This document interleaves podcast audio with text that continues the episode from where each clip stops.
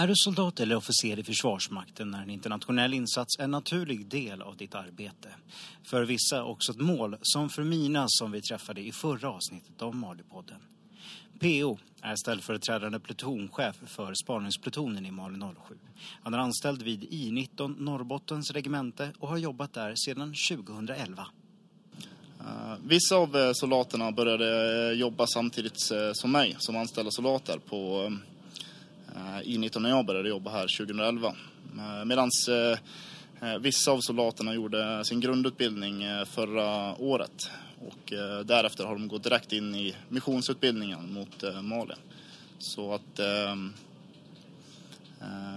det skiljer sig väldigt mycket erfarenhetsmässigt. Och det är väl någonting jag tror att tror är väldigt viktigt också att ha en bred skara av individer. Och när du nu är specialistofficer och du är här i Mali, hur kommer det sig att du tackade ja till en befattning i Mali? Det är nog ganska många anledningar, men eh, eh, först och främst så ser jag det som en jättestor utmaning. Eh, dels för mig själv, för eh, den personal jag har under mig och eh, att få testa både mig själv och eh, materiell i ett tufft klimat och en skarp miljö. Delar av spaningskompaniet har nu varit i insatsområdet i en månad och har börjat lösa sina uppgifter i terrängen. Vi har haft olika uppgifter som handlar om att samla in information åt FN. Och det kan man ju lösa då på en hel rad olika sätt. Ett av sätten vi jobbar med är att eh, prata med människor. Och eh, det här är någonting som eh, spaningsgrupperna gör dels enskilt men även ibland i en större enhet, plutonen då. Eh, som samordnas av mig och eh, min eh, chef. Ja, eh, det vi ska göra det är ju att eh, kunna understödja förbandet med helikoptrar och UAVer och flyg. Typ kunna spana och sånt med dem. Jag heter Rickard och jag är 23 år gammal. Jag jobbar på attackbet och eh, där är jag signalist. Min uppgift på gruppen då, det är att jag ska ha hand om sambandet. Se till att allt samband fungerar med till exempel till eh, den högre chefen och att det fungerar med helikoptrarna så. Eh, det känns väldigt naturligt egentligen att jobba.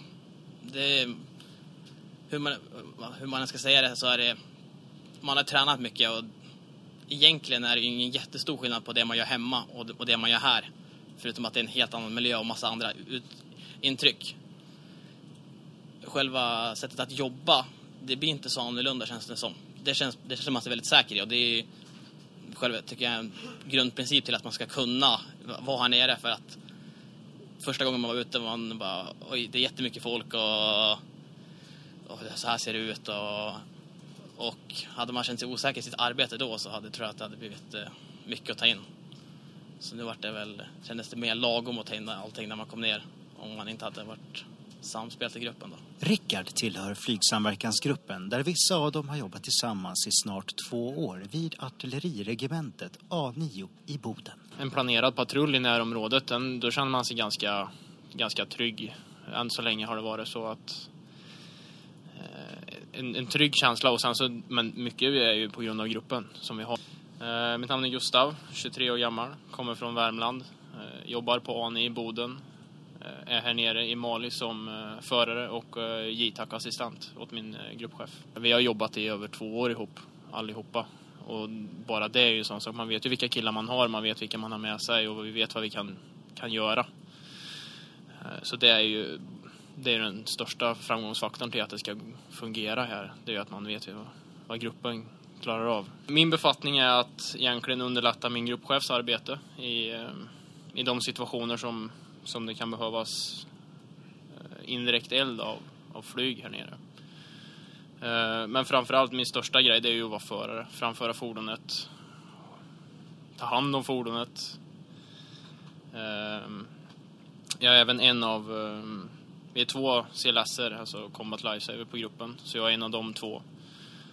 Eh, det är ganska, ganska brett spektra vad jag har med att göra, utan jag beroende på vilken situation så kan jag ställas i i olika befattningar då. Som vi var ju på ett QRU-larm igår. Och då liksom, då är det ju... Då sätts det ju ännu lite mer på spänn. Då, är det ju inte, då har vi liksom, får vi kanske inte alla ingångsvärden som man, som man önskar eller som man, som man får när man har planerat någonting själv. Utan här sker ju saker och ting på, på andras villkor. Alltså när saker och ting ska hända. QRU, Quick Reaction Unit, är en mindre enhet som är en larmstyrka.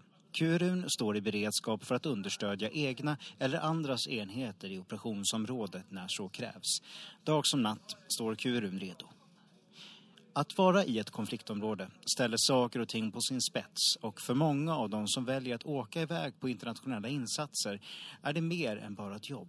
Det är en utmaning och en möjlighet till att få erfarenheter som sätter saker och ting i perspektiv i förhållande till livet hemma i Sverige.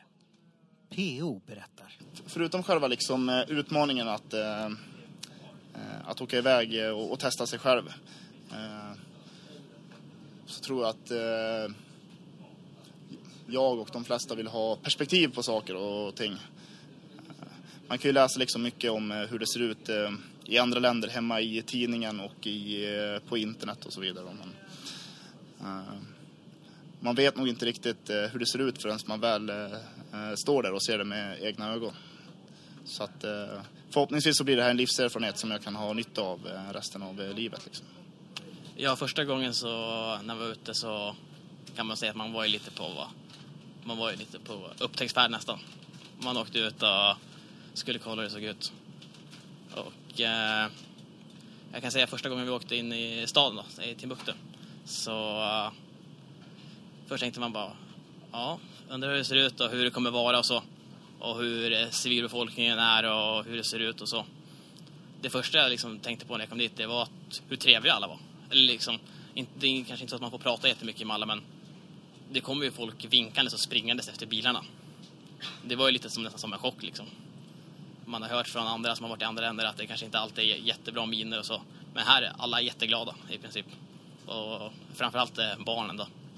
Det är jättekul att se. De är alltid, vinkar ju liksom och springer efter bilarna och ja, det är jättekul inne i, inne i Tim så har det ju varit, det är mycket barn. Det är, det är en ung befolkning, det är mycket barn. Eh, generellt sett så är de väldigt, väldigt glada. Alltså de vinkar till oss konstant. Alla gör det. Eh, men också så kan man ju om man, jag har inte hunnit liksom reflekterat över det när man, när man för när vi är ute och rullar då är det ju en uppgift. Vi, liksom, vi är ju där för att lösa en grej. Då liksom är man ju så inne i sitt. Men det var, det var ju någon, det är ju väldigt mycket väldigt fattigt. Och så ser man liksom barn springa runt i, i soporna så här, det är inte så jäkla roligt att se. Sådär. Spontant så, ja, det är en väldigt glad befolkning trots det, det, det lilla de kanske har, skulle jag säga. Det är ett land som har fått stå ut med mycket. Eh, man ser ju på byggnader och hus att eh, eh, det har varit stridigheter här tidigare de fortgår ju fortfarande till viss del. Befolkningen tycker jag är positiv och eh, eh jag, eh, jag avundas dem eh, kan man säga för att de liksom har den styrkan de verkar ha att ta sig igenom. Ehm, för att ehm, det var ett kargt klimat och väldigt svåra förhållanden. Det är ont om vatten, ont om mat, ont om bekvämligheter som vi tar för givet i vardagen som eh, elektricitet, värme, kyla, eh, vägar, infrastruktur, el. Ja. Malipodden. I Malistyrkan ingår svensk militärpolis Patrik och Sebastian genomför tillsammans med sina egyptiska kollegor trafikkontroller på Cypern.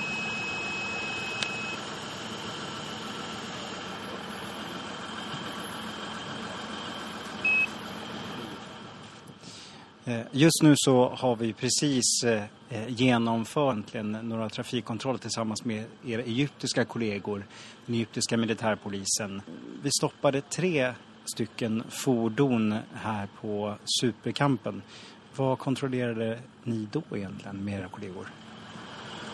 Ja, militärpolisen, precis som polisens huvuduppgift, är ju att förebygga brott. Så att det gör vi då genom att egentligen bara stå här och synas. Och det vi har kontrollerat idag det är eh, våra grannar på Supercampens, att de har, eh, är nyktra, att de inte kör för fort och att de har eh, rätt eh, behörighet, det vill säga FN-körkort och eh, ett giltigt FN-ID med sig.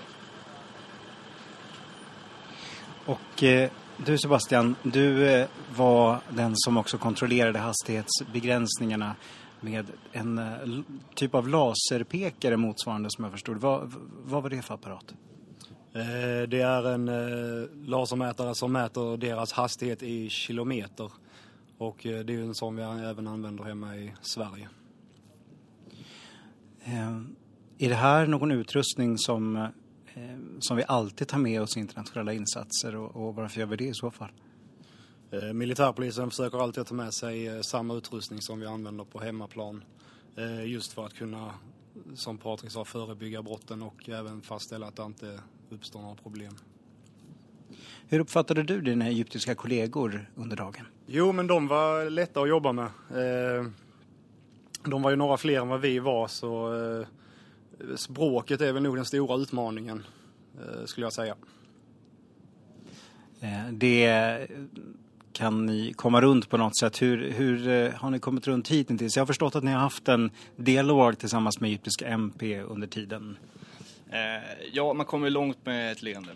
Så är det ju. Och eh, egyptierna är ju, är ju arbetsvilliga precis som vi och vill göra rätt för sig. Så att, eh, med den språkbarriären som, som vi har så hittar vi en gemensam nämnare. Vi möts på mitten och gör så gott vi kan. Vad är skillnaden mellan den blå vanliga polisen som var hemma i Sverige och en militärpolis egentligen, Sebastian? Eh, jag skulle säga att det inte är så himla stor skillnad egentligen för eh, vi är polismän, både den blå sidan och eh, då den gröna sidan där jag jobbar. Ehm, den, om man då kollar på den stora skillnaden så är det att militärpolisen jobbar ju bara inom Försvarsmakten. Det är där vi har vår jurisdiktion. Ehm, där blå polis då har över hela nationen. Patrik, vi stannade för inte så länge sedan en av våra egna fordon där du gjorde en förarkontroll och eh, ett blåstest också. Hur kommer det sig att du gjorde det här och inte den egyptiska militärpolisen?